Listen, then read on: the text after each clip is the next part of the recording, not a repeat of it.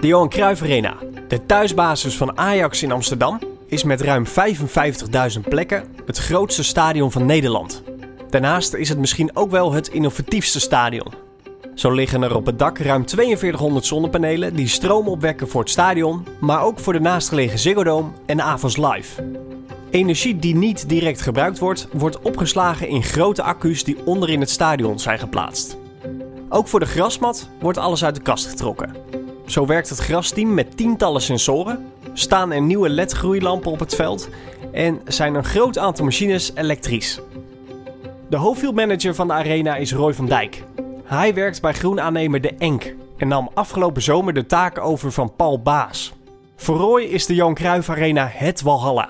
Want naast grasliefhebber is hij een Ajaxiet in hart en nieren. Nou ja, ik ben vanuit mezelf al denk ik wel erg een perfectionist. En als je dat voor je club kan doen, ja, dan wil je ook echt, echt het beste voor Ajax 1, denk ik. Ik denk dat dat wel iets belangrijks ook is um, in een stadion. Het hoeft niet per se, maar dat je toch ook misschien wel een beetje fan bent van de club en van het voetbal. Um, om dan, ja, dan weet je ook wat ze vragen en wat ze willen, zeg maar. En dan loopt het misschien toch even een stukje harder. In deze podcastserie ga ik, Chris Vlaanderen, redacteur van Tuin en Parktechniek, in gesprek met de fieldmanagers van de grote voetbalclubs. Wie zijn die mensen die de velden onderhouden? Hoe houden zij de grasmat groen, kort en gezond? En welke machines en technieken gebruiken zij ervoor? Dit is Grasmannen, met in deze aflevering Roy van Dijk, fieldmanager van Ajax.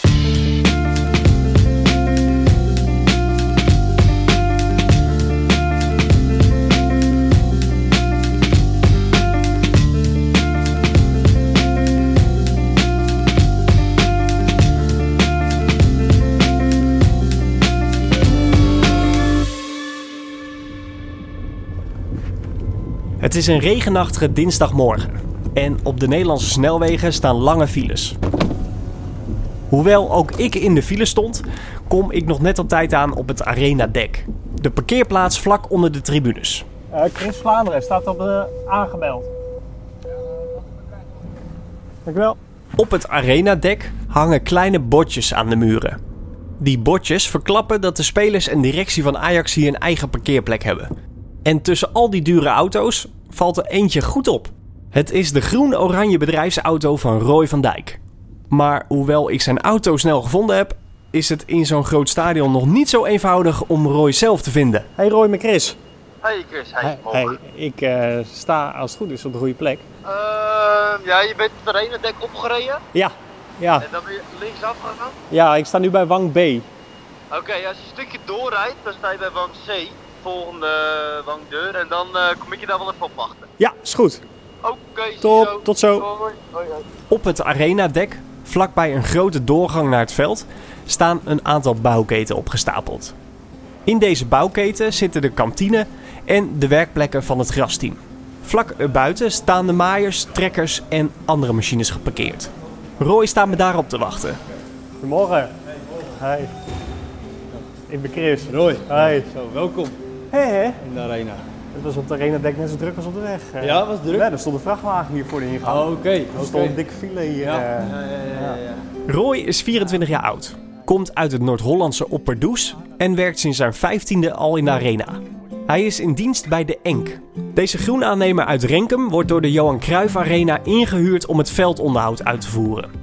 Roy is met zijn team fulltime bezig met de mat in Amsterdam. Door de week is dat drie mensen, drie, vier mensen. Het hangt er ook vanaf hoeveel wedstrijden we hebben. En met wedstrijden erbij uh, op wedstrijddagen met tien man. Roy is alleen verantwoordelijk voor het veld in het stadion. De velden op de toekomst, het jeugd- en trainingscomplex die ongeveer een kilometer verderop ligt, heeft hij niet in het beheer. Uh, Ajax en Arena zijn gescheiden van elkaar. We hebben wel veel contact samen, maar uh, ik doe daar verder niet het onderhoud. Roy kan zich dus volledig focussen op de grasmat in het stadion. En zo ervoor zorgen dat het veld er altijd optimaal bij ligt. Maar zoals je misschien wel weet, lag die grasmat in de arena in het verleden er niet altijd even strak bij. In de beginjaren, zo'n 25 jaar geleden, waren er grote problemen met het veld. Hoewel de fieldmanagers van destijds alles uit de kast trokken, bleef de kwaliteit ver onder maat. De grasmat moest meermaals per jaar noodgedwongen vervangen worden. Het grasimago van de arena liep daardoor een flinke deuk op. Ondanks dat het veld de laatste decennia er schitterend bij ligt, is het imagoprobleem nog steeds groot. Heel groot. Die, die blijft ook wel groot, denk ik. Het blijft natuurlijk een stukje naam, maar eh, wij zijn langzaam bezig met het eh, naam te veranderen daarin. Naast een enorme passie voor gras had Roy vroeger de ambitie om profvoetballer te worden. Hoewel hij inmiddels meer in de arena te vinden is dan menig selectiespeler, zat een voetbalcarrière er voor hem helaas niet in. Dichter bij Ajax kon ik helaas niet komen dan dit. Nee. Roy voetbal nog wel, als middenvelder, in het eerste van voetbalvereniging Opperdoeks. Maar hoe liggen de velden eigenlijk daar erbij? Ja, dat is toch wel een beetje een puinhoop. Maar dat vind ik ook wel het mooiste hoor. Het is niet dat het echt heel dramatisch is, maar ik vind het mooiste om op een, eh, op een, op een minder goed veld te voetballen en eh, met zwarte knieën van het veld af te stappen. Nadat Roy en ik een rondje langs het veld hebben gelopen, klimmen we over een klein hekje de tribune op. Bovenaan de eerste ring nemen we plaats in de Koninklijke Loge. Een chic ingerichte ruimte met een prachtig uitzicht op het veld. Enig nadeel, er komen soms wat mensen binnenlopen. Hey, Hallo. Hallo. Wil u ook in de uitzending? Mag hoor. Zodra iedereen de ruimte heeft verlaten, is het de hoogste tijd om met Roy bij te praten. Want hoe kwam hij op zo'n jonge leeftijd eigenlijk al in de arena terecht? Nou ja, dat is eigenlijk wel een leuk verhaal. Ehm, toen ik 14 jaar was, toen wa- kwam ik op een eh, golfbaan te werken als stageloper. En daar vond ik het met gras bezig zijn, vond ik daar, eh, vond ik daar echt fantastisch. Je maakte echt iets, van gras maakte iets moois waar iemand anders aan gebruik van kon maken. Ehm, dus dat vond ik heel leuk en dat wist mijn mentor ook. Maar toen kwam de winterperiode eraan en toen moest je snoeien en een bunker doen. En ja goed, en ik had ook geen klik met golf, dus dat was toch niet echt wat ik wou. En toen had mijn mentor contact met de toenmalige fieldmanager hier, was nog voor de Enk. En ehm, toen ben ik hier terechtgekomen als stageloper. En zo heb ik me opgewerkt naar, eh, naar head groundsman. Wat voor opleiding deed jij dan? Nou, ik deed een hele brede opleiding. Dat was meer gericht op recreatie, maar ook met sport en groen zat er ook in. Ehm, dus het was niet echt gericht op, op sportveldonderhoud. Dat niet. Dat heb ik later eh, bijgeleerd via de ENK. Maar het was echt gericht op eh, recreatie. Vandaar ook de golfbaan dus. Jouw voorganger is Paul Baas. Wanneer zei hij van nou Roy, volgens mij moet jij het maar gaan overnemen? Nou, zo is het misschien niet helemaal gegaan. Het was meer, ehm, hij heeft altijd gezegd van ik wil het zoveel jaar doen. Ehm, en niet gezegd van daarna moet ik gelijk weg. Maar eh, ja, het, is, het vraagt ook best wel veel van iemand. En ook met het, met het thuisleven. Ehm, ja, je merkt toch dat je heel veel weekenden vrij of eh, niet vrij bent. Je bent heel veel aan het werken, avonden doorgaan, s ochtends vroeg weer beginnen. Ehm, dus hij heeft altijd gezegd dat van ja, na, dat, na het EK zou ik eh, misschien wel ergens anders willen gaan kijken binnen het bedrijf en doorgroeien. En toen werd er dus ook vijf jaar of zes jaar terug nu inmiddels aan mij gevraagd van wat zou jij willen? Nou, toen wees ik natuurlijk naar de stoel van Paul. En zei, zei de directeur van nou, dan gaan we daar nu aan beginnen. En eh, dat is dan zo een werk gezet. Hoe was dat toen, die eerste wedstrijd, onder jouw leiding? Nou, dat, toen was ik wel even wat meer gespannen, eh, ik merkte ik. En ook met de eerste herbezoding. Eh, dat jaar daarvoor waren we al, wat ik zei, we waren al zeg maar, aan het buigen. Zeg maar, van, nou, dat gaat niet, niet op een op andere dag van nu, jij bent het, dit is even verantwoordelijk klaar.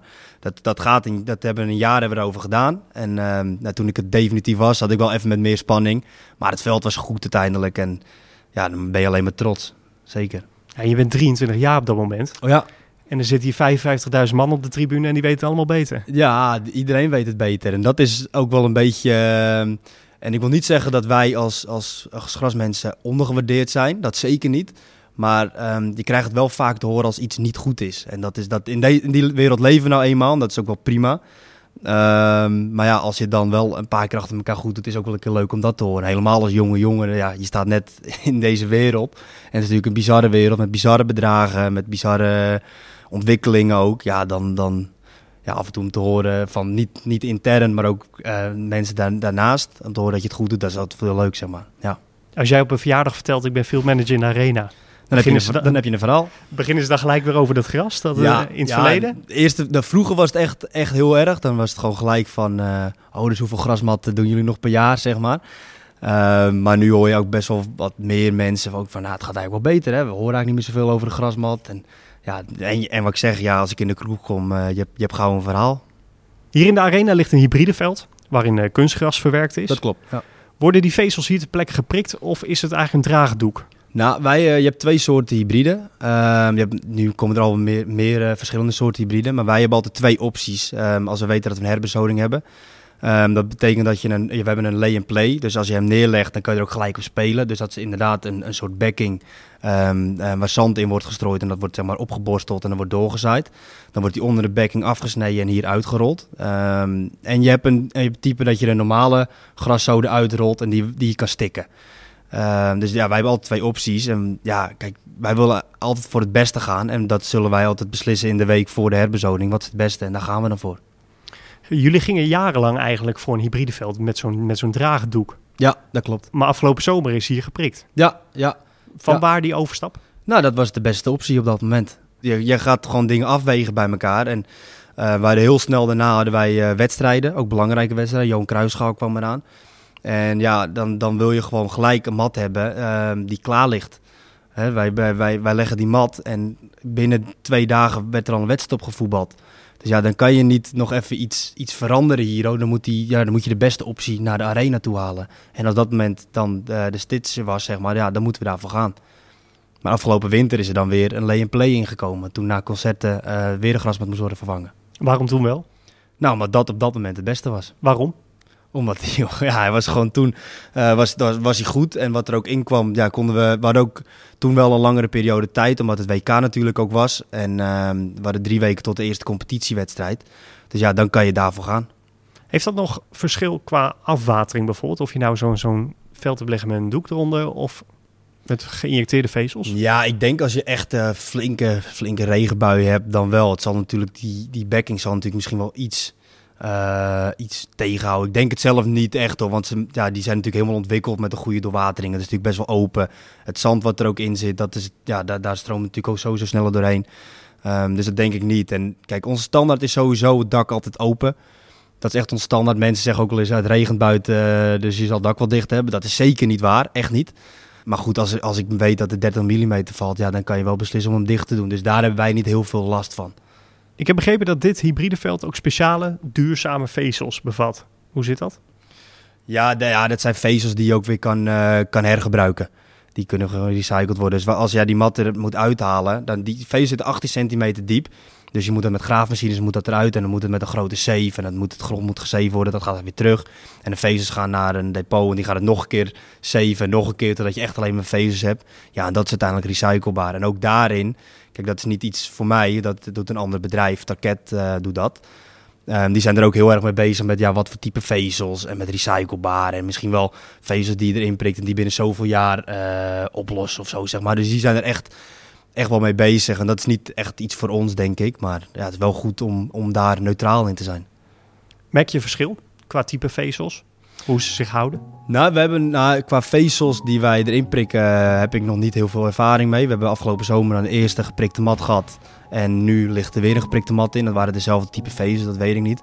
Maar ja, je merkt wel met verschillende type eh, hybride met ehm lay and play... dat daar wel een verschil in zit met, met een type kunstgras. Het grasteam in de arena heeft veel eigen machines. Grote machines die ze niet dagelijks of wekelijks gebruiken, zoals een Fredo doorzaaier of een bezander, worden gedeeld met andere collega's binnen de ENK. Deze machines worden dus ook buiten de arena ingezet. Maar welke machine is voor Van Dijk eigenlijk het belangrijkste? Ik denk dat het belangrijkste ook is dat, dat je de grasmat ook wel schoon houdt, zeg maar. Vooral boven in de toplaag. Natuurlijk is de maaimachine en de beleidingskar zijn natuurlijk het belangrijkste hoor. De wedstrijddagen natuurlijk. Maar ik denk de kriebelleg hebben wij, of de verticuteermachine. Maar die kriebelleg, ja, dat is zo'n belangrijke machine. Dat is deze machine, dat, die bind je achter de trekker. Eh, maar dat, ja, ik denk dat je gewoon, je moet zoveel mogelijk, dat, als die mat goed is, haal die er maar overheen. Hou hem maar schoon, hou hem gezond. Want anders ga je er later problemen mee hebben als jij een soort filteroplaag krijgt. Dat is gewoon een klein echtje die achter de trek Ja, hangt. ja, een kleintje. En dat is natuurlijk ideaal. Jij moet niet, ik ben geen fan van grote machines in een, in een stadion. Kijk, op het trainingscomplex is het anders als je veel velden aan het onderhouden hebt. Maar eh, voor in het stadion moet je zo klein mogelijk, zo licht mogelijk hebben. En het liefst alles lopend. Maar ja, sommige dingen gaan natuurlijk niet lopend. Bijvoorbeeld een bezander of zo. Ehm, dus ja, ik denk, ja, dus is een klein eh echtje achter me trekken, ja. Welke machine moet iedere amateurclub hebben? Amateurclub. Nou, dat mag ook de professionele club eh, Eh, wezen. ja, nou, ja, welke machine moet ze echt hebben? Ehm, nou, ik denk dat het heel belangrijk is ook dat je een, dat je een, ehm, nou, ik weet niet of het bij de club zelf is, maar bijvoorbeeld een, veldspuit is natuurlijk ook echt belangrijk. Je moet natuurlijk wel gewoon ook je bladvoeding kunnen geven en ook je bodembemesting kunnen geven daarmee. Ehm een kriebelleg vind ik, vind ik zelf heel belangrijk, eh, maar dat is met andere clubs misschien anders. Eh, en ja, gewoon bepaalde stadionmaaiers. Echt voor de wedstrijd maaien. Ja, soms zie je de stadions die dan eh, niet genoeg budget hebben of niet genoeg mensen hebben. Of dat ze met een triple maaien of misschien met een vijfdelige maaien maaien op wedstrijddag. Ja, dan zie je die banden sporen. Ja, wij vinden natuurlijk het mooiste dat, dat als jij die baan hebt, dat het allemaal zo vlak en zo strak mogelijk is. Eh, Paul Baas die vertelde een keer in een video dat hij de wens had om met drones te gaan bemesten. Ja, Bestaat die wens nog? voor mij niet. Nee? Nou, natuurlijk zou het natuurlijk eh, fantastisch zijn als het ooit een keer gaat gebeuren hoor. Maar ehm, ja, aan de andere kant bemesten met een trekkertje en met een spuit erachter gaat altijd ook, gaat altijd ook goed. En het is natuurlijk wel, eh, ja, als, als je dat kan doen, hè, je kan er met drones overheen. Ja, dat zou natuurlijk fantastisch zijn. Maar het is misschien nu nog echt een, een, meer een droom dan echt werkelijkheid. Zou jij bepaalde bewerkingen graag willen automatiseren? Nou ja, tuurlijk wel. Tuurlijk zou je dat misschien wel willen. Het is wel lastig ook in het stadion. Vooral een stadion als de Arena met zoveel, eh, met een dakconstructie. Ehm, met het GPS-signaal bedoel ik dan. Maar ja, de, de druk op de field managers, wat ik net ook al zei, die wordt al hoger en al groter. En hoeveel, er moet echt meer gebeuren ook. Ja, als je dan iets uit handen kan geven dat het automatisch gaat, dan is het natuurlijk ideaal. Maar ehm, daar moeten we ook wel erg mee oppassen, want... Eh, je moet natuurlijk ook gewoon mensen hebben die gewoon met de neus gewoon in het gras zitten, bij wijze van spreken. Die gewoon te kijken hoe, hoe die ontwikkelt de plant. Wat zie je? En, en ja, dat, dat blijft wel echt belangrijk. Want je kan niet een robot die, die je maait, kan je ook vragen aan het einde van wat vond je van het veld? Heb je nog dingen gezien? Eh, wat vond je van de vlakheid? Of eh, misschien wat vlekken gezien of een schimmeltje of een dingetje. Weet je, dat, dat gaat niet. En je moet er altijd zelf gewoon bij blijven. Elke dag. Welke werkzaamheden zou jij wel willen uitbesteden aan een robot? Als je nu mag kiezen. Eh, dus ik zou mogen kiezen. En dat gebeurt al deels, want wij hebben de lampen op het veld staan van SGL. Ehm, die worden al deels bezet met een. eh, die verzetten we dan zeg maar met een, eh, met een motortje die aan de wielen zit. Hoeven niet met een trekkertje erop. Ehm, maar als die lampen automatisch zou verzet kunnen worden, dat, dat scheelt een hoop tijd.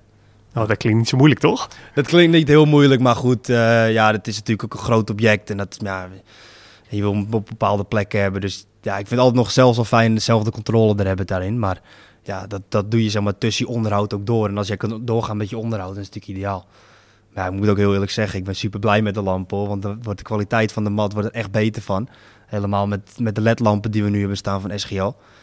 Dus ja, het hoort er gewoon bij. Maar als dat eh, een robot zou kunnen doen, dan zou dat ideaal zijn. Het GPS-signaal dat is in een stadion als dit... eh, Ja, dat is, geen, dat is geen, niet te doen. heb je al een oplossing gevonden? Eh, nou, we, we- wij hebben wel een systeem waar ook de spelers mee getrekt worden, zeg maar. Die hebben een metertje in hun rug. Ehm weet je, met de hartslag en zo, die volgen ook de spelers daarin. Ehm, dus dat, daar zijn we wel mee aan het testen geweest om daar een soort GPS-bepaling aan te koppelen.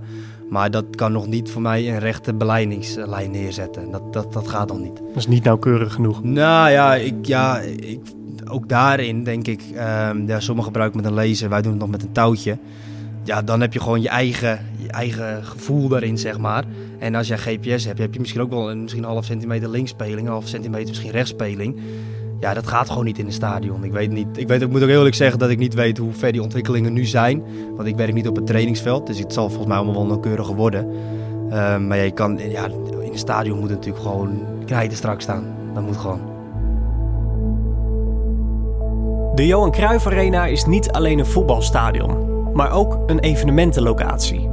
Regelmatig worden er grote concerten en andere feesten in het stadion gehouden. Ook tijdens het voetbalseizoen. En dat heeft grote gevolgen voor de grasmat. Een paar weken voor de opnames van deze podcast trad de Amerikaanse metalband Metallica op in het stadion. Het veld werd toen afgedekt met speciale platen. Maar die platen lagen er dusdanig lang op dat het veld daarna onbruikbaar was. Om die reden werd er een nieuwe grasmat in het stadion neergelegd. Metallica was inderdaad in het weekend eh, van, eh, van 29 en 30 ehm, april. En toen hebben wij op dinsdagavond waren alle platen eraf. Toen zijn we begonnen met eruit vrezen. Is de hele nacht doorgegaan en gelijk ook vlakken. Toen die ochtend daarna zijn om 8 uur in de ochtend is, ehm, eh, zijn de graszoders gekomen. Hebben we uitgerold en gelijk zijn we begonnen ook met prikken erachteraan. En tussendoor, dat is natuurlijk lastig voor ons, moesten wij ons onderhoud ook nog doen. Ja, en toen is donderdagochtend was, lag hij helemaal klaar. Toen is het prikken doorgegaan. En toen op vrijdagochtend hadden wij een training. Of in de middag bedoel ik, om twee uur hadden wij een training. En op zaterdag hadden wij AXZ. Dat is eigenlijk helemaal gekke wereld natuurlijk. Maar ja, dat, dat, is, dat zijn wel hele mooie uitdagingen. Zeker voor een field manager. Vlak voor het einde van het voetbalseizoen kwam er dus een gloednieuwe grasmat in de arena. En geloof het of niet, Op die grasmat zijn slechts twee wedstrijden en één training gehouden. Een paar weken later is het veld namelijk opnieuw afgedekt voor de concerten van Bruce Springsteen. Kortom, die nieuwe grasmat heeft er maar twee en een halve week gelegen. Ondanks dat het voor korte duur was, werd er toch gekozen voor een hybride mat. Aan het einde worden altijd de prijzen verdeeld en worden de tickets verdeeld voor Europa. En wij willen gewoon niet voor verrassingen staan. Wij willen gewoon, wat ik net ook al zei, we willen echt alleen maar het beste. Ehm, en wij weten dat er op een hybride mat dat dat ja, wel een bepaalde oplossing ook is voor in de arena. En wat ik zeg, ja, da- daar worden ook de prijzen verdeeld. En ja, dus ja, dan wordt er gekozen voor een hybride mat. Twee wedstrijden, één training. Ja. Op, op een nieuw veld. Op een nieuw veld. Is dat niet compleet krankzinnig? Ehm, ja, ergens, ergens natuurlijk misschien wel. Maar aan de andere kant, eh, kijk, de stadions die, ja, die worden ook al drukker. En er komt ook al meer druk op de fieldmanagers te staan. Dat is in elk stadion zo. Ik was twee weken terug toen Metallica hier optrad. Ja, dan lig je grijze platen in. Dan ben ik zo ver mogelijk van de arena af. Want dat vind ik natuurlijk helemaal niet mooi. Eh, toen was ik naar Londen gegaan. Eh, ben ik daar ook bij stadions gaan mee, eh, met, bij stadions met het grasteam gaan meelopen. En ook met wedstrijden erbij. En ook kijken bij hun in de keuken, zeg maar. Ja, die merken ook al daar waar het, hè, tussen haakjes het verhaal is van de graswereld. eh merk ook al dat er concerten gaan komen en dat er meer gaan komen en vrouwenteamen komen en trainingen. En ja, dat wordt al drukker en dat, is, dat zijn alleen maar mooie uitdagingen. Ja, je zei het zelf ook al. Wat vind je ervan als die mat er iedere keer uit moet? Want je hebt hem eindelijk mooi. Hij is misschien net een beetje Ik- gezetteld hier in het stadion. Ja, en dan gaat die vrees erin. Ja, klopt. Ik moet heel eerlijk zeggen, de eerste mat die ik zeg maar, had als toen ik de leidinggevende zeg maar, was, toen ik field manager was. Ehm, toen hadden wij, hadden wij in de periode hadden we ook nog een keer AMF. Werd die afgedekt. Toen kregen wij, toen hielden we deze mat. Toen hadden we drie dagen daarna Ajax Liverpool. is allemaal goed gegaan. Ajax PSV en Ajax Vitesse kwamen daar kort op. En toen na Ajax Vitesse, dat, was, dat ging echt in één stuk ging het door met ons met onderhoud. En dat was nou, krankzinnig hoe drukke dagen wij toen hadden. En eh, na Ajax Vitesse gingen gelijk de platen erop. En toen had ik wel even een momentje dat het wel pijn deed. Ehm, ook al weet je het maanden van tevoren dat het gaat gebeuren. En toen, ja, ook had ik heel lief voor dat ik eh, van meiden van de evenementen, die hadden een kaartje geschreven en een paar biertjes aan me gegeven. En eh nou goed, dat is altijd wel ook wel leuk. En ja, dat gebeurt en je weet dat je ermee te maken hebt, maar nu wordt het wel natuurlijk wat normaler. Dus eh, onderdeel van je werk. Het is onderdeel van het, van het werk, ja. ja maar het is, blijft natuurlijk zonder dat een hele goede mat ehm, eruit gaat. Maar des te mooier de uitdaging is om dat met een nieuw mat weer te halen. Je haalde het eh, AMF al even aan, het Amsterdam Music Ja. Festival. Dat was hier. Toen werd Ja. hij afgedekt. Maar toen zaten die platen eigenlijk zo kort op dat het veld nog wel bruikbaar was. Ja, daar hebben we andere type platen. Die zijn ook een stuk lichter en die zijn niet helemaal ook plat aan de onderkant. Dus een soort raster. Dus die, ja, de, het gras kan nog, zeg maar, eh, klinkt misschien een beetje gek, kan nog een beetje ademen, zeg maar. En het is maar voor 24 uur afgedekt, minimaal 24 uur. En ik weet nog goed, toen, ehm, ik heb die hele week heb ik gezegd van tevoren, ehm, als de eerste plaat op het veld gaat, dan ben ik weg. Dan rijd ik van het dek af, dat hoef ik niet te zien. Maar toen de laatste plaat werd neergelegd eh, en het hele veld was zeg maar wit onder de platen, toen liep ik er nog bij als een politieagent. Weet je, hoe leggen ze die platen neer? Als die dan even scheef ligt, trappen ze er tegenaan of pakken ze hem opnieuw op en dan klikken ze hem weer goed in. Ja, dat zijn toch dingen eh, waar je mee te maken hebt. En ehm, ja, toen, dat, dat is het enige moment dat je, dat je je mat uit handen geeft. Dus dat je als je iets doet op de mat, dan weet jij wat je doet en hoe de plant erop reageert, zeg maar. En nog zijn er altijd verrassingen, maar je hebt het in je eigen macht. En die ene 24 uur, je hebt geen idee wat erop gebeurt. Misschien moet er wel een, eh, iemand overgeven op de middenstip of rijdt er iemand per ongeluk met een heftruck op terwijl niemand het ziet. Ja, dat kan natuurlijk allemaal gebeuren. Ja. En toen de platen er weer af werden gehaald, ja, toen was ik eh, twee uur te vroeg zelfs in het stadion om ergens een glim van gras te zien. Nou ja, goed, eh, uiteindelijk kwam Liverpool daarna en UEFA en ja, toen was de mat gewoon prima. Dus dat is wel een, een mooi, eh, mooi iets wat we gehaald hebben met het team. En hoe ziet dat gras eruit als je die platen eraf haalt? Ja, het is natuurlijk wel plat gedrukt. Dat, eh, dat gebeurt. En het ook al is maar voor 24 uur. Eh, maar het is natuurlijk wel plat gedrukt. En daar, dat moet je gelijk zorgen dat het gelijk weer, dat hij gelijk weer aanslaat. En hoe ga je daar naartoe werken? nadat hij afgedekt wordt. Ja, je moet hem in een bepaalde rust ook brengen. Maar je moet wel zo gedacht hebben van... oké, nou als ik dat dan nog even van tevoren gebruikt... dan neemt hij niet gelijk op in de plant. Maar als de platen eraf gaan, dan herstelt hij wel weer gelijk. Eh, dus zo ben je constant aan het denken van... wanneer je moet op welk moment doen. En gaat zeker met onze data die wij verzamelen, ehm, ja, halen wij het maximale uit de plant. Met welke bewerkingen moet je uitvoeren om hem nadat die platen eraf zijn weer een beetje, een beetje op te lappen? Nou ja, dat is altijd een dag. Dat is natuurlijk altijd op een zondag. En ehm, nou ja, goed, dan, dan werken ze natuurlijk ook wel op de golfbanen. Maar eh, ja, er zijn ook heel veel mensen die natuurlijk vrij. Dus we vragen natuurlijk aan iedereen eh, van ja, zouden jullie willen helpen in de arena? En gelukkig krijgen we elk jaar Ehm, echt toppers die ons komen helpen. En dan gaan we gewoon eerst met tien bladblazers. En natuurlijk gaat er zo'n lollystokje doorheen. Of een vleugeldopje. Of ja, noem het maar op. Ehm, gaan we gewoon echt met bladblazers eroverheen. Baantje voor baantje lopen ze dat af. En dan eerst maar even omhoog eh, en, en natuurlijk goed doorspoelen. Want ja, wat valt er op het gras? Cola of bier of een bako of misschien wat ik zei, moet er iemand overgeven. Ja, die stoffen moeten wel, moeten wel eruit. Ehm, en dan ga je gewoon spoelen. En je moet wel ook weer voor zorgen dat het weer gelijk weer een voetbalveld oogt, zeg maar. Dus daar ga je ook mee, gelijk mee aan de gang. Ja, stel ik heb een goede sterke borrel besteld. Ja. En ik laat hem hier eh, op die plaat vallen. Zie je dat terug in het veld? Nou, dat, zie je, dat zal je niet zo snel zien. Ik denk meer echt dat het zuren van iemand dat overgeeft, zeg maar, klinkt misschien heel vies. Ja, dan kan het gras echt wel wegbranden. Maar ja, wat je wel kan hebben is als jij bijvoorbeeld ehm, eh, een cola hebt of zo, of een bako. Ja, er zit natuurlijk wel heel veel suikers aan. Dus dat, als je dat niet wegspoelt, ja, dat, dat, dat, dan, ja, dan brandt het later weg, zeg maar. En dat ga je niet binnen één dag zien. Dat ga je misschien na een week zien. Of dat, dat ja, de plant een beetje vergaat daardoor. Ja. Daarom is dat spoelen is echt super belangrijk. Dat is gewoon een kwestie van beregenen. Ja, berekening aan. Ja. En lekker lang. Ja, lang en, en laat maar lekker doorspoelen. Kijk, eh, het is, bij ons eronder is een zandopbouw. Dus, eh, en een goede drainage hebben we. Dus ja, wij geven nooit, niet echt te veel water. Want het is, bij ons loopt het heel snel weg. Onze doordringheid zeg maar, van het water is best wel snel. Dus eh, dat loopt zo weg. De Johan Cruijff Arena is op het dak na bijna helemaal gesloten. Het klimaat is daardoor anders dan buiten het stadion. Er komt immers weinig zonlicht naar binnen, er is geen wind en ook de temperatuur en luchtvochtigheid zijn anders. Gelukkig kan Roy het klimaat nog wel een beetje bijsturen door het dak te openen of te sluiten. Ik kan hem niet zelf bedienen en dat vind ik ook goed ook. Want eh, ja, er zijn natuurlijk ook... Kijk, een dak vraagt natuurlijk ook heel veel onderhoud. Dus, en er zijn misschien ook wel mensen aan het werk. Dus als ik denk van, joh, ik, eh, het gaat straks regen doen, lekker dicht. En er zit iemand aan het werk. Ja, dat heeft natuurlijk met een stukje veiligheid ook te maken. Dus ik heb altijd dezelfde persoon eh, die ik daarvoor benader. En die gaat dan, die weet wat er ook gebeurt in het dak. En die zet dan alle lijntjes uit. En de beveiliging doet hem uiteindelijk open of dicht. Hoe snel kan zoiets gaan? Ehm, het dak open doen of dak dicht doen, natuurlijk 18 minuten.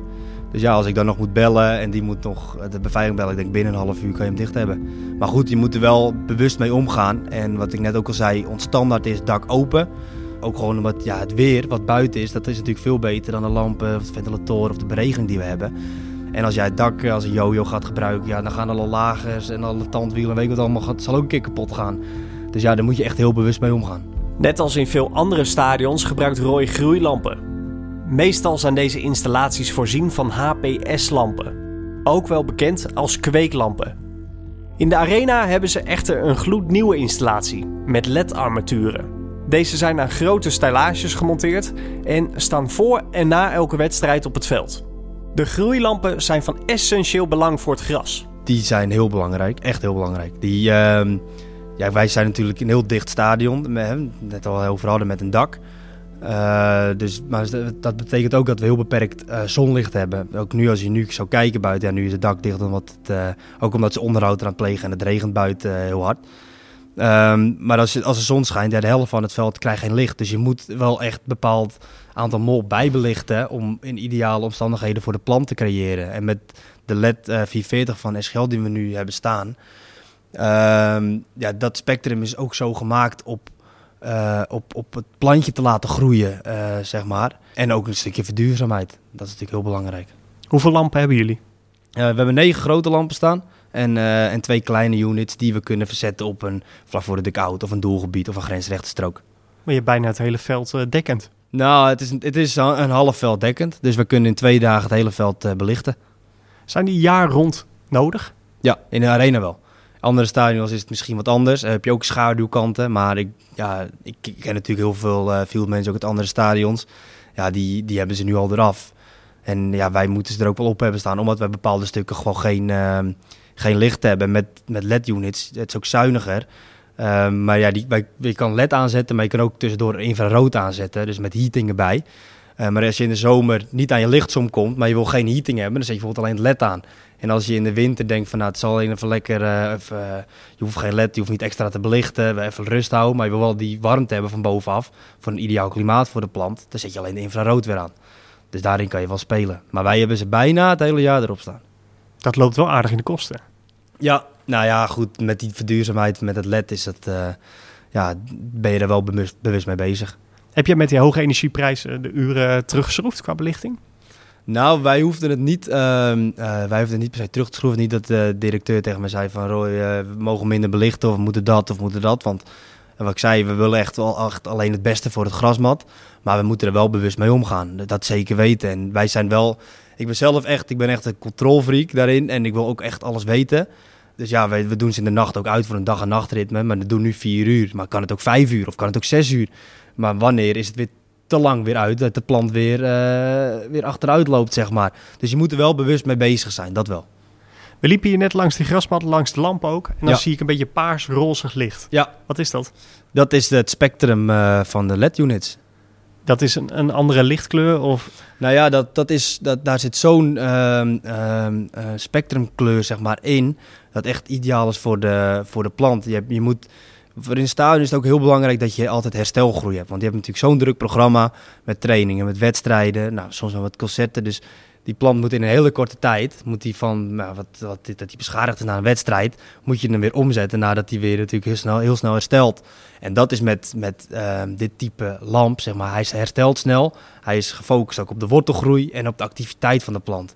Dus hadden eerst de HPS-lampen en we zijn nu overgegaan naar LED. Maar het hele plan wat wij hadden, maar niet alleen qua bemesting, maar ook qua onderhoud met prikken, met water geven, met het maaien, met alles, kon ik gewoon van tafel schuiven. Niet, niet helemaal allemaal natuurlijk, maar ehm, ja, je moest wel echt helemaal weer eh, vooraan beginnen. En weer alles opnieuw testen, omdat die plant zo actief wordt. Ja, dan moet je daar wel weer op bijsturen, zeg maar. Ja, is dat verschil zo goed merkbaar? Dat, dat verschil is wel echt merkbaar, ja. ja. En het is niet eh, dat je zegt van we halen die ene eraf en we zetten die de andere erop en we blijven doorgaan zoals we gingen. Dat niet. En ik denk sowieso dat je altijd moet kijken van hoe moeten we nu verder, hoe, hoe kunnen we hem nog beter maken. Eh, maar dat is met ledlampen, dat, dat kan wel, maar dat duurt wel even eh, voordat je alles weer onder de knie hebt. Kun jij dan ook nog andere lichtspectra instellen? Nee, alleen eh, de ledverlichting en de infrarood kunnen we daarop instellen. Dus het spectrum kunnen we daar nog niet in veranderen. En dat, ja, ik wil ook heel eerlijk zeggen, we hebben ook zelf testen gedaan toen we nog de HPS hadden met kleinere opstellingen met verschillende ledkleuren. En dit was wel, er kwam ook echt wel uit de test dat dit wel het beste is voor de grasplant. Hoe vaak moeten jullie die lampen verplaatsen? Elke dag. Elke dag komen wij hier om die lampen te verplaatsen. Dus het maakt niet uit of het een zaterdag of een zondag is, als we ook geen wedstrijden hebben of met kerst. Ik, ik, werk, nu, eh, nou, dat, ik werk nu negen seizoenen in de arena. En ik denk dat ik al acht seizoenen elke dag op eerste kerstdag kom. Elke keer op elke eerste kerstdag. Gezellig. Ja, samen met mijn vader gaan we deze kant op en dan eh, gaan we die lampen samen verzetten en dan eh, gaan we weer terug. Ja, dat, dat maakt niet uit. We moeten het eh, gewoon het optimale halen. En, en ja, als dat daarbij hoort, ja, je kan zo ook denken van waarom het kerst eraf twee dagen? Wat maakt die twee dagen nou uit? Nou ja, dat is voor ons dat heel belangrijk. Dus dan gaan wij mij gewoon heen om ze te verzetten. Maar is dat voor omdat die, die wielen natuurlijk in de grond drukken? Of, Ook, ook maar ook gewoon het verspreiden ervan. Want wij, je moet altijd een, een, een ehm, visueel hoe die eruit ziet, zeg maar, op wedstrijddag. Of nou ja, nu ook, wij hebben natuurlijk heel veel tours ook in het stadion. Ehm, dat is natuurlijk best wel belangrijk hoe die eruit ziet. En je moet uniformiteit hebben daarin. En als jij hem een paar dagen op één plek laat staan, dan kan het misschien zijn dat, eh, ehm, ja, dat die plant wat, donkerder wordt. Of dat hij misschien wel wat, wat geler wordt, omdat hij zo actief wordt. Dus je moet er gewoon elke dag moet je hem gewoon verplaatsen. Maar het belangrijkste is inderdaad ook die wielen die erin drukken. En jij kan hem dus met een afstandsbediening kan je hem verplaatsen. Ja, ja, vroeger moesten we met een trekkertje erop. En als we hem dan ombouw zetten, zeg maar, naar een andere positie. Of recht vooruit rijden, dat ging. Maar om naar een andere positie moest je alweer met z'n tweeën zijn. En nu is het gewoon eh, in het weekend ook. Ja, elke dag zeg maar één iemand hier te zijn. Dus daar bespaar je weer ook weer iemand mee. Ja, het is een beetje alsof je met zo'n caravan zo... eh, Ja, ja, het, Ja. Zijn ook echt, het zijn ook echt caravan movers die erop zijn gemaakt. Ja? Ja, eerlijk waar. Ja, klopt. Ja. Hey, wat ik hier ook zag staan, zijn van die grote ventilatoren. ja, Wanneer gebruik je die? Bijna elke nacht. En vooral als dan de luchtvochtigheid zo hoog is, zeg maar. Je moet, kijk, je moet zorgen... Kijk, het chemiegebruik eh, in Nederland, ja, dat, dat wordt natuurlijk al minder. We mogen nog wel onze dingetjes eh, gebruiken. Eh, maar ik vind het altijd een beetje een noodoplossing. Ik probeer, wij proberen altijd op zoek te gaan naar hoe kunnen we het voorkomen. Ehm, en daar ja, helpen onze ventilatoren natuurlijk enorm bij. Want we kunnen... Je moet zorgen, dat de- een collega van mij, Wilco, die zei dat. En die, ehm, die werkt hier al toen ik hier ook aankwam. Die zei tegen mij, we moeten zorgen dat één keer per dag het veld droog is. Want schimmels en ziektes houden natuurlijk van vochtigheid en van wat, wat klammig, zeg maar. Dus ja, toen, dacht ik, toen begon ik daarover na. Daar heb ik eigenlijk wel gelijk in. Dus wij, als wij hem gewoon elke avond, laten we de beveiliging hem aanzetten... en dan zetten wij hem zelf in de ochtend uit. En eh, dan is het gras droog. En dat is ook ideaal om het te onderhouden, zeg maar. Om te maaien is dan beter. En onze werkzaamheden erin te doen. Hoeveel ventilatoren hebben jullie staan? Eh 18, 18 stuks. Ja. Dat is een enorm kabaal, of niet? Nou, het valt wel mee. De ventilatoren die maken eigenlijk geen herrie. Ja, soms dan als er een, eh, een, een snaartje aanloopt of zo, dan hoor je het. Maar dan wordt het gewoon gelijk gerepareerd. Maar dat valt echt mee. Moet het dak openstaan om die lucht kwijt te kunnen? Of, Nee, eh? nee, dat hoeft niet per se. Nee. Het is juist misschien ook wel beter om die ventilatoren aan te zetten als het dak dicht is. Want dan heb je helemaal geen luchtverplaatsing. We hebben wel eens gehad, op een zondag was er buiten een storm die een naam kreeg. Ik weet niet meer welke naam, maar dat maakt het niet uit. Maar toen werkten wij hier met een wedstrijddag. En dan waren die ochtends om 6 uur. En ik weet niet, s'avonds gingen wij weg, zeg maar, na de wedstrijd. En die storm was geweest en je merkt daar gewoon echt niks van in het stadion. Je hoort het wel, je hoort het regen op het dak en als je naar buiten loopt dan zie je het wel. Maar je, je, je voelt geen wind, je, ja, het, is zo, zo beperkt zeg maar. Dus dan helpen onze ventilatoren natuurlijk enorm. Jij zegt, ik vecht eigenlijk nog, nou misschien wel dagelijks nog tegen het imago-problemen uit het verleden. Nou, inmiddels ligt die mat er piekfijn bij. Wel- welke techniek heeft het allergrootste verschil daarin gemaakt? Nou, ik denk ehm, ehm, ehm, de, het hybride mat uiteindelijk. Dat een hybride ervan maken. En ja, dat is natuurlijk ook gewoon een stukje stevigheid en een stukje grip natuurlijk voor ons. Eh, en dat, ja, ik denk dat dat het grootste verschil maakt. Zeg maar. Ik kan wel zeggen, ja, sinds ik hier loop, eh, nou, dat is echt niet waar. Dat, als die andere jo- jongens die voor hadden met een hybride mat, dan hadden ze het ook eh, makkelijker gehad, zeg maar. Dat is het ook beter kunnen doen. Hybride gras, ledlampen, ventilatoren. In de Johan Cruijff Arena wordt alles op alles gezet om de kwaliteit van de grasmat op peil te houden. Een andere technische ontwikkeling waar steeds meer aandacht naar uitgaat is dataverzameling. Tientallen sensoren geven informatie over het klimaat, de bodem en de grasmat in het stadion. Ehm, wij hebben er 12 in de bodem zitten. Wij hebben in het dak hebben wij sensoren hangen. In de lampen van SGL hangen eh, sensoren. Wij hebben turfpots die wij van SGL zeg maar, in de grond kunnen steken met pinnetjes eronder die de buitentemperatuur en eh het klimaat zeg maar, eh, kunnen meten, maar ook in de bodem. Eh, de, de, de bodemtemperatuur, bodemvocht, EC-waarde. Ehm, dat hebben we. We hebben ook, ehm, eh, nou, ik hoorde in de vorige podcast hoorde ik Erwin Beltman praten over een, een, een maaier met scanners erop. Die hebben wij. Ehm, en ik ben er heel blij mee. Want we kunnen daar ook mee de activiteit van de plant meten. En als die achteruit gaat, dan kan je dat misschien nog niet zien. Tuurlijk, op een gegeven moment ga je dat zien. Maar als je dat vol kan zijn, dan kan je hem op niveau houden. En dan weet je ook waar je staat met een bepaald, eh, bepaald level zeg maar, in het gras, eh, hoe, wat de graskwaliteit is. En als je ziet dat die een beetje begint te dalen, dan weet je ook, ik moet een beetje bijsturen om dat niveau steeds te halen. Maar De dichtheid van de mat. Dus Dat- hoeveelheid dat, dat, sprietjes ook, eigenlijk. dat ook, dat, ook de dichtheid, maar ook de, de vitaliteit. Dus hoeveel zin heeft het plantje om te groeien, maar ook de dichtheid. En ja, dat is misschien een beetje een, een, een gedachte, zeg maar. Eh, dan kan je bijvoorbeeld plekken extra bij zijn. Dat is natuurlijk wel zo. Als wij, als wij daaruit een heatmap krijgen, tuurlijk, ik kan het zien. Mijn collega's kunnen het ook wel zien. Maar als je een keer vrijwilligers hebt, of je hebt een keer mensen die, eh, die willen meelopen een dagje, of een stage lopen. En je kan met een heatmap zien van, joh, we hebben nog, een, eh, nog één en gras staat over. Ja, gooi maar over het veld. Ja, je kan het op het eerste hoek gooien als je denkt dat hij daar open is. Maar je kan hem ook naar het slechte stukje sturen als je met een heatmap kan zien waar het minste stukje is. Dus natuurlijk is dat wel super belangrijk voor ons. En het is uiteindelijk ook een soort communicatiemiddel. Naar een Ajax toe of naar juist een arena toe van... eh, joh, Ajax wil misschien een keer trainen, want op de toekomst is het druk of ze hebben een belangrijke wedstrijd. Ik kan laten zien van nou, ik, het, nu, nu kan het, want de, de, eh, hij zit nu op 80% en dat is perfect, weet je wel. Eh, dus dan kan het, maar als je een keer op 60% zit, omdat wij een keer groot onderhoud hebben gedaan, of omdat wij een zware wedstrijd hebben gehad, dan kunnen we ook aanwijzen van joh, lu- luister, dit kan niet, want dit zijn de waardes op dit moment. En je kan het wel zeggen, maar als je dat het kan onderbouwen samen met de data, ja, dat is natuurlijk, eh, dat is natuurlijk makkelijker. Ja, want Beltman die was vrij kritisch op die sensoren bij jullie op de maaien. Die Ja. zei, ja, is allemaal leuk en aardig, maar dat kan ik met bloot oog wel zien. Nee, ja, goed. En dat, dat, en dat ieder zijn stadion en iedere fieldmanager heeft zijn dingen. En dat, ja, ik, ja, hij hoeft niet te doen hoe wij het die doen. En andersom ook niet. En hij heeft daar een perfecte job gedaan. En andere stadions doen het ook heel goed. En, maar goed, dat helpt mij wel heel erg om, eh, om ook een stukje communicatie eh, eh, ehm, naar, naar, naar een Ajax toe of naar een Arena toe, zeg maar. Ja, voor de kennis, het zijn trouwens twee Optrix sensoren die Ja, achter op de Jacobs maaier zitten. Ja. Verricht jij bij elke maaibeurt een meting? Nou, ehm, wij gebruiken de Optrix, of de, de, de Jacobs eh, gebruiken we niet zo heel vaak meer. Ehm, omdat wij het lopen, dat vinden wij, dat is ook beter voor het gras. Ehm, ehm, ik weet, en dan kan je ook verschillen met maaiers, een cirkelmaaier of een kooimaaier of een wat zwaardere kooimaaier kunnen pakken. Dus we pakken niet meer heel vaak de Jacobsen, maar het scannen, dat, dat, dat doen we nog wel wat regelmatiger. Ja, dat wel. Verder liggen er twaalf sensoren in de bodem. Ja. Waar liggen die? Ja, die zit, eh, die zit wel in een patroon, zitten die er natuurlijk onder. Die zit op 4 centimeter diepte. Ehm, echt verdeeld over het hele veld. En ja, we moeten natuurlijk wel weten waar ze zitten. Want als we gaan vertidrain of procoren, ja, dan moet je er wel omheen gaan. Anders prik je stuk. En zo'n sensor, kost nog wel wat. Maar die zit echt op 4 centimeter diepte. Dus echt net onder de grasmat. Waar het eigenlijk allemaal gebeurt, ook in de bodem, zeg maar. We kunnen ze op 20 centimeter prikken. Maar daar gebeurt het voor ons toch niet. Het gebeurt net of onder de bekking of onder de zoden die erin gelegd wordt. Heb je hem wel eens geraakt? Ja, we hebben hem wel eens geraakt, ja. Ja, ja ik kan zeggen dat we het niet hebben gedaan, maar dat gebeurt natuurlijk wel eens. Nee, want hoe weet je nog waar die ligt? Ja, Nou, er zit een patroon in, We- maar goed. we- ja, er zit een maaipatroon in en we doen het precies op een scheiding. Dus niet precies midden op een procolbaantje.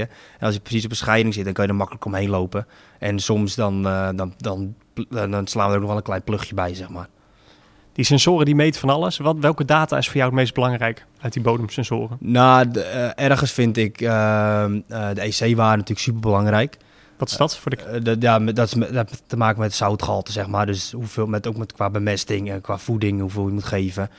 Ehm, dus ja, als je die achteruit ziet lopen, wat ik net ook al zei, dat, als je dat ziet, dat die achteruit loopt, dat kan je natuurlijk zien op het oog ook wel. Want hij wordt wat geler of je ziet de plant wat slapper hangen of hij wordt wat eh, veranderd. Maar dat kan je natuurlijk met, EC, met EC-waarde kan je dat nog even sneller zien. En dan weet je wanneer je moet bijbemesten. En ik vind bodemtemperatuur, dat is, dat is, dat is echt essentieel voor een, eh, voor een voetbalveld in een stadion. En goed, wij hebben dan een veldverwarming die automatisch aanspringt als je onder een bepaalde temperatuur komt. Ehm, dus ja, dat, dat, dus dat, ah, dat regelt zichzelf wel. Maar in de zomer is het natuurlijk wel eh, belangrijk om te weten wat je bodemtemperatuur doet. Jullie verzamelen enorm veel data. Ja.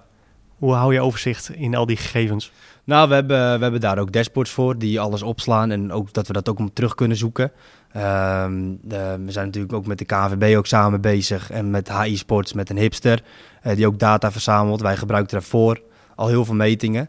Eh, dat we zelf uitvoeren, grip en de hardheid en de balstuit. Dat is natuurlijk, misschien is dat ook wel ergens, eh, op wedstrijddag is natuurlijk ook dat ook wel de belangrijkste data. Want uiteindelijk maken wij de, mat natuurlijk heel mooi voor ja, voor iedereen die in het stadion komt en voor de mensen die een tour kopen en voor voor de tv.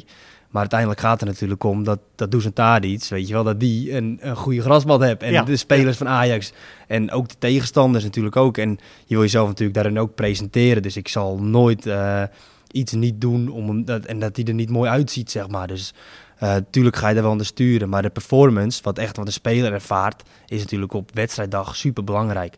En als die wedstrijd voorbij is, dan moet je gelijk weer de andere kant op schieten. En wat niet goed is voor de speler misschien, dat is misschien wel weer heel goed voor de grasplant. Dus daarin moet je gelijk sturen. Dus na de wedstrijd gaan we er gelijk weer overheen. Zetten we gelijk de lampen er weer op. Om die plant weer aan te, eh, aan te zetten, zeg maar. Zodat hij weer gezond en verder kan groeien. En herstellen natuurlijk. Stel ik zeg, Roy, het is allemaal leuk en aardig met je sensoren. Maar vanaf vandaag mag je ze niet meer gebruiken. We Ja. trekken de stekker eruit. Ja. Ligt die mat er dan over een jaar heel anders bij? Als jij die data niet meer hebt? Nou, dat zou kunnen. Dat durf ik niet te zeggen. Dan heb je ook heel veel eh, dingen die natuurlijk eh, op je pad komen, zeg maar. En waar je mee te maken hebt. Het verschilt natuurlijk zoveel. Wat ik zeg, het verschilt al met, met, met per dag verschilt al heel veel. Maar dat zou natuurlijk heel goed kunnen. En het is niet dat, dat ik volledig ehm, op de sensoren werk, zeg maar. En het zal mij ook nooit vervangen. En het zal ook nooit zo zijn als een sensor zegt... hij is nu te droog, dat gelijk de sproeiers aanschieten. Je blijft daar ook je controle over hebben. Maar het is wel gewoon, het is echt een ondersteuning. Het, is, het helpt mij wel. een beslissing ook, niet, ook wel te nemen, maar ook dat je weet dat je op de goede weg bent. Of dat je denkt, van, nou, ik moet het nu toch anders doen. Het is een bevestiging. Nou, het is een soort bevestiging. Maar als jij bijvoorbeeld wel gaat kijken, ook met de lampen, kunnen we een uurtje minder uit. Ja, en als je dat dan kan zien vanuit de sensor dat het goed gaat, hè, dat je een keer scant en je scant de vitaliteit en je ziet hem achteruit gaan. Ja, dan, dan onderbouw je het wel. Dan bevestig je het wel van waarom het wel of niet kan. En dat is natuurlijk wel, eh, dat is heel fijn. We hebben het nu gehad over sensoren, groeilampen, Ja. machines. Allemaal geavanceerde, dure technieken. Ja. Die voor menig amateurclub veel te hoog gegrepen is. Ja. Welk advies of welke praktische tip geef jij die mensen die daar de velden onderhouden? Ehm, Wat zou jij tegen opperdoes zeggen? Laat ik zo zeggen. nou ja, dat is natuurlijk echt hele, echt totaal andere wereld ehm, dan waar wij in zitten. Of misschien moet ik wel ik, want ik doe echt alleen in dit stadion. Dus wij hebben ook geen trainingen. We hebben niet zo'n groot gebruik als, als, als op een veld als Opperdoes, weet je wel. Als, als ik met het eerste elftal om half drie speel, dan is om tien uur al een wedstrijd geweest, om twaalf uur al een wedstrijd geweest, om half drie. Nou, misschien hebben we om vijf uur nog wel eens een keer een wedstrijd. En, en op dinsdag wordt er weer op getraind. En dat is natuurlijk, dat is natuurlijk bizar. Maar ja, ik denk Ehm, ja, je moet, hem, eh, de, de, de, je moet hem ook vlak houden. Want het moet natuurlijk wel ook veilig zijn, ook voor de speler, zeg maar. We merken ook snel op, op onze voerveld Wilperoes dat hij al heel gauw wat hobbeler wordt. Dus ik denk dat je hem vlak moet houden. Maar je moet hem ook wel open houden bovenin, want je moet ook niet te vaak rollen. Want ja, dan ben je aan het verdichten en dan loopt de gras alleen maar verder van je weg. Ja, en ik zou gewoon de consult, dat is dan de persoon die daar met het gras bezighoudt. Die zal ik juist ook eh, met trainingen, dat ze gaan, hè, dat ze gaan sturen van oké, nu gebruik je dat hoekje, nu gebruik je dat hoekje. Dat je meer gaat verplaatsen in je velden, zeg maar. Ja, niet dat ze met z'n allen het strafschopgebied... Dat, eh, ja, nee, precies. Dat je met z'n allen het strafgebied of de as van het veld eh, kapot trapt en dat de hoeken nog hartstikke mooi zijn. Het voetbalseizoen in de Johan Cruijff Arena is inmiddels ten einde gekomen. Een paar weken voor de laatste wedstrijd blik ik met Roy terug op zijn eerste jaar als hoofdfieldmanager. Hoe kijkt hij terug op dit seizoen? Ja, met trots, toch wel. Trots dat je, ja, ik ben natuurlijk best wel jong ook nog. En als je ziet wat voor uitdagingen wij hebben, ook hier in de arena, met wat we net over hadden met het klimaat en dat soort dingen. Maar ook het drukke schema en met drie herbezodingen ehm, door concerten, zeg maar. Dus ja, dan denk ik wel dat we gewoon enorm trots mogen zijn. Wat was voor jou het spannendste moment van het seizoen? Eh, de herbezoding van afgelopen week. Oh, Ja, dus je bent er weer een beetje bijgekomen. ik ben eh, afgelopen zondag ben ik een beetje bijgekomen. Ja, dat was wel echt een moment dat ik dacht van, pff, nu is het. Ik moest wel even een dagje even bijkomen, dat wel. Als we over vijf jaar deel 2 van deze podcast opnemen. Ja. Ik stel deze vraag aan iedereen. Waar moet ik jou dan opzoeken? Ik denk gewoon nog in de arena. Ik, ik heb geen idee waar, me- waar mijn toekomstplannen liggen. Kijk, ik wil, eh, ik wil me verder ontwikkelen. Ik wil beter worden. En uiteindelijk, ja, mag heel mogen groot dromen met z'n allen toch. Uiteindelijk wil je de, beste, uiteindelijk wil je de beste worden natuurlijk. Ehm, dus ik ga heel veel leren. En ik denk dat ik nu nog gewoon op deze plek waar ik nu zit echt wel superveel kan leren. En dat, ja, daar kijk ik met heel veel plezier en eh, uitdagingen tegemoet. Je kunt hier nog wel even vooruit. Ik kan hier nog zeker vooruit. Ja, Uitdagingen genoeg. ja dat zeker weten. Zeker. Bedankt voor dit gesprek. Ja, geen probleem.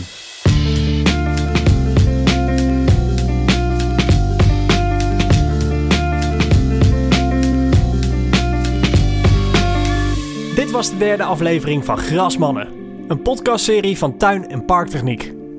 In de volgende aflevering ga ik in gesprek met Timo de Nijs. Hij is fieldmanager in het Mandenmakerstadion, de thuisbasis van RKC Waalwijk. Wil je op de hoogte zijn van de nieuwste techniek in de groensector? Bezoek dan de website en lees het vakblad van Tuin en Parktechniek. En wil je nog meer weten over sportveldonderhoud? Bezoek dan ook Grasmannen Live, donderdag 21 september in Stadion de Wageningse Berg in Wageningen. Tijdens dit evenement delen aannemers en gemeentes hun ervaringen met het gebruik van robots op sportvelden. Meer informatie over Grasmannen Live vind je op grasmannen.nl. En heb je vragen, complimenten of opmerkingen over deze serie of het evenement? Stuur die gerust door naar redactie.tuinenparktechniek.nl.